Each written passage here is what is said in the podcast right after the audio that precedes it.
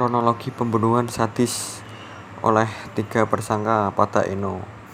Eno Faradila, 18 tahun, karyawati pabrik plastik PT PGM dibunuh secara sadis oleh tiga tersangka yang salah satunya masih di bawah umur. Selain itu, dibunuh dengan cara sadis. Korban mendapatkan kekerasan seksual. Tiga tersangka yakni RAL, 15 tahun, siswa SMP kelas 2 di Tangerang, Rahmat Arifin alias Arif, 23 tahun, buruh pabrik PT PGM, dan Imam Harip Riyadi, 23 tahun. Dirikum Polda Metro Jaya Kombes Krisnamurti mengatakan, ketiga tersangka tidak mengenal satu sama lain, tetapi mereka memiliki ketertarikan yang sama dengan korban, ujar Krisna kepada wartawan di Mapolda Metro Jaya, Jakarta, Selasa 17 Mei 2016.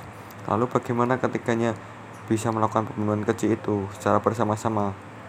Berikut kronologi kelengkapnya seperti disampaikan Institusi